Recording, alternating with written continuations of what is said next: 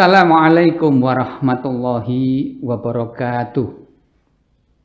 Alhamdulillah walladzi anzala sakinata fi qulubil mu'minin liyasdadu imanan ma'a imanihim. Allahumma salli wa sallim wa barik ala nabiyyina Muhammad wa ala alihi wa ashabihi ajmain.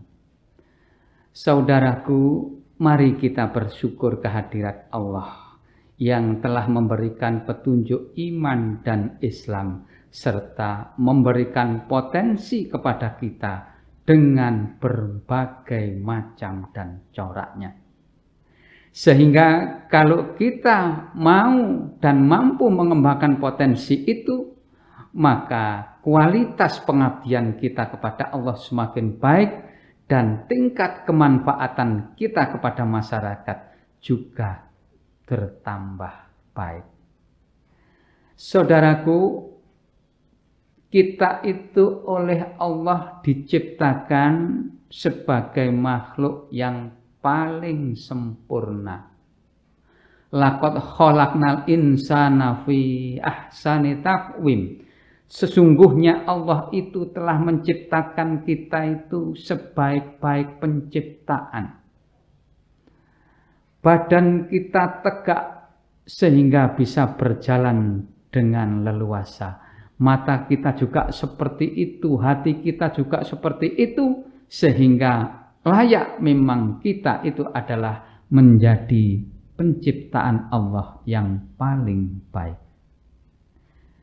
Setelah oleh Allah kita itu diciptakan sebaik-baik penciptaan, maka oleh Allah kita diberi amanah untuk mengelola, untuk memimpin, meminit alam ini sehingga sesuai dengan kehendak Allah. Wa itqala rabbuka lil malaikati inni ja'ilun fil ardi khalifah. Dan ingatlah ketika Tuhanmu berfirman kepada para malaikat, aku hendak menjadikan khalifah di muka bumi. Jadi kita oleh Allah dijadikan makhluk yang mengelola alam. Karena apa? Karena kita fi ahsani takwim sebaik-baik makhluk.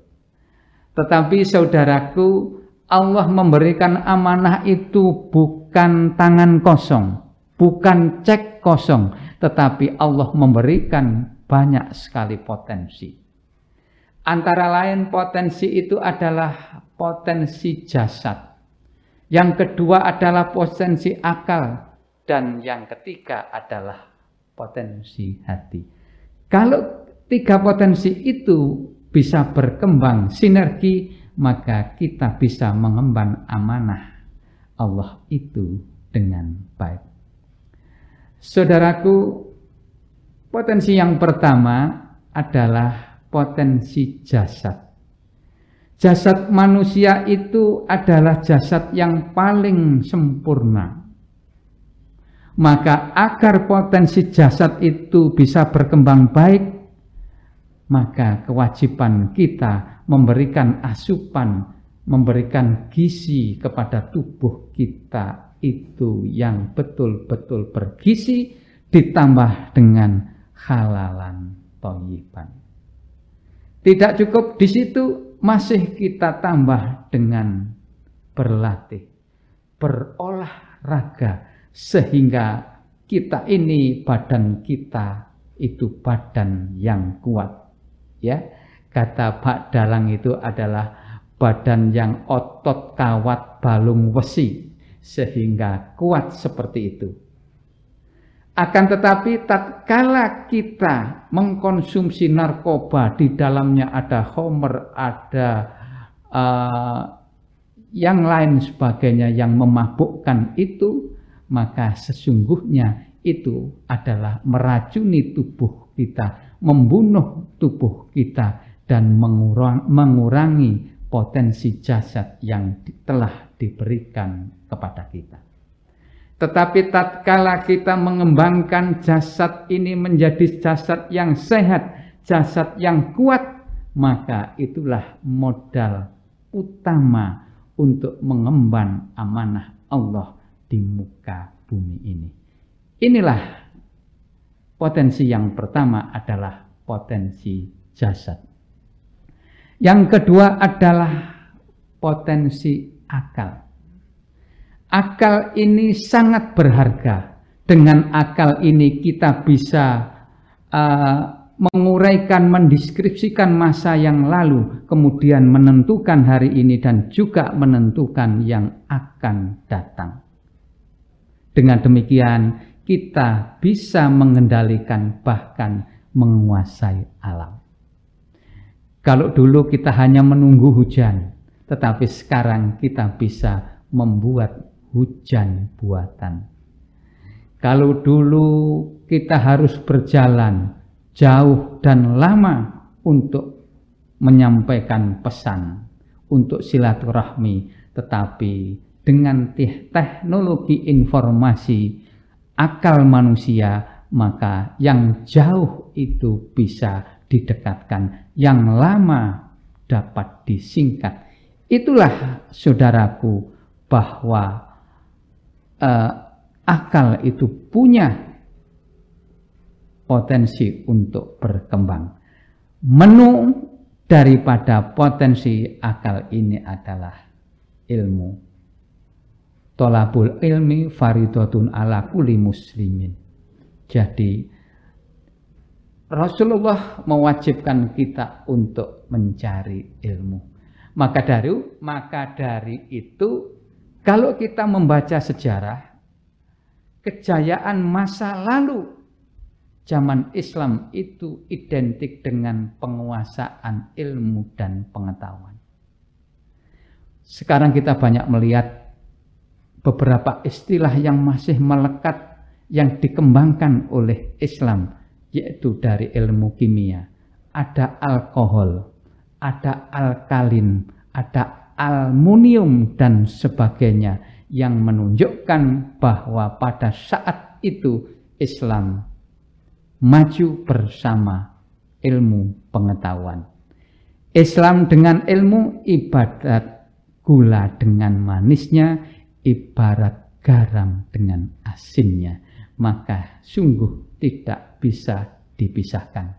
Maka dari itu kalau kita ingin mengembangkan akal kita, maka menu utama adalah ilmu pengetahuan.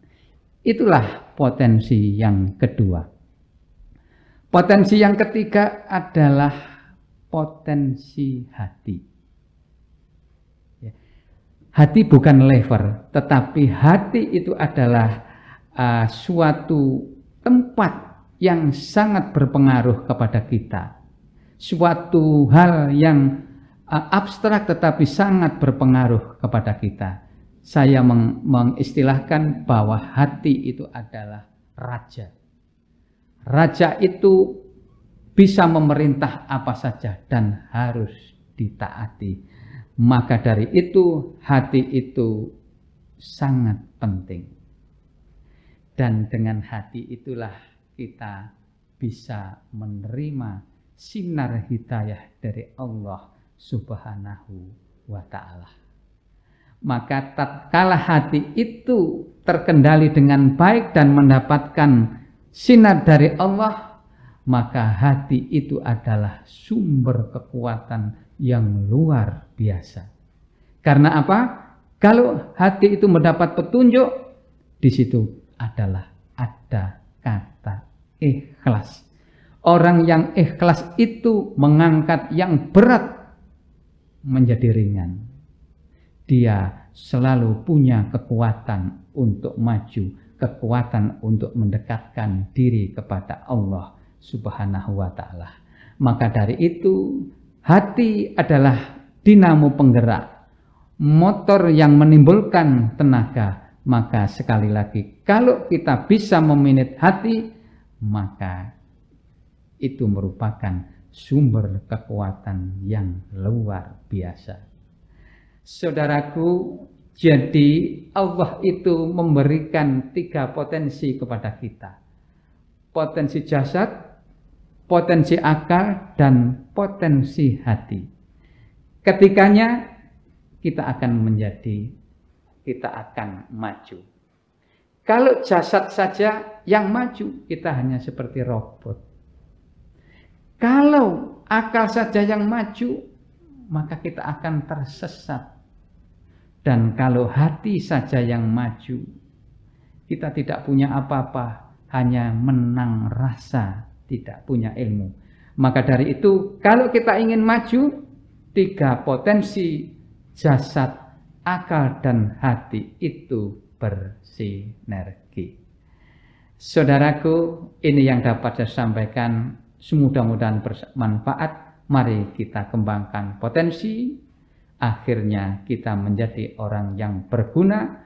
Pengabdian kepada Allah menjadi sempurna dan tingkat kemanfaatan kepada sesama menjadi lebih besar. Assalamualaikum warahmatullahi wabarakatuh.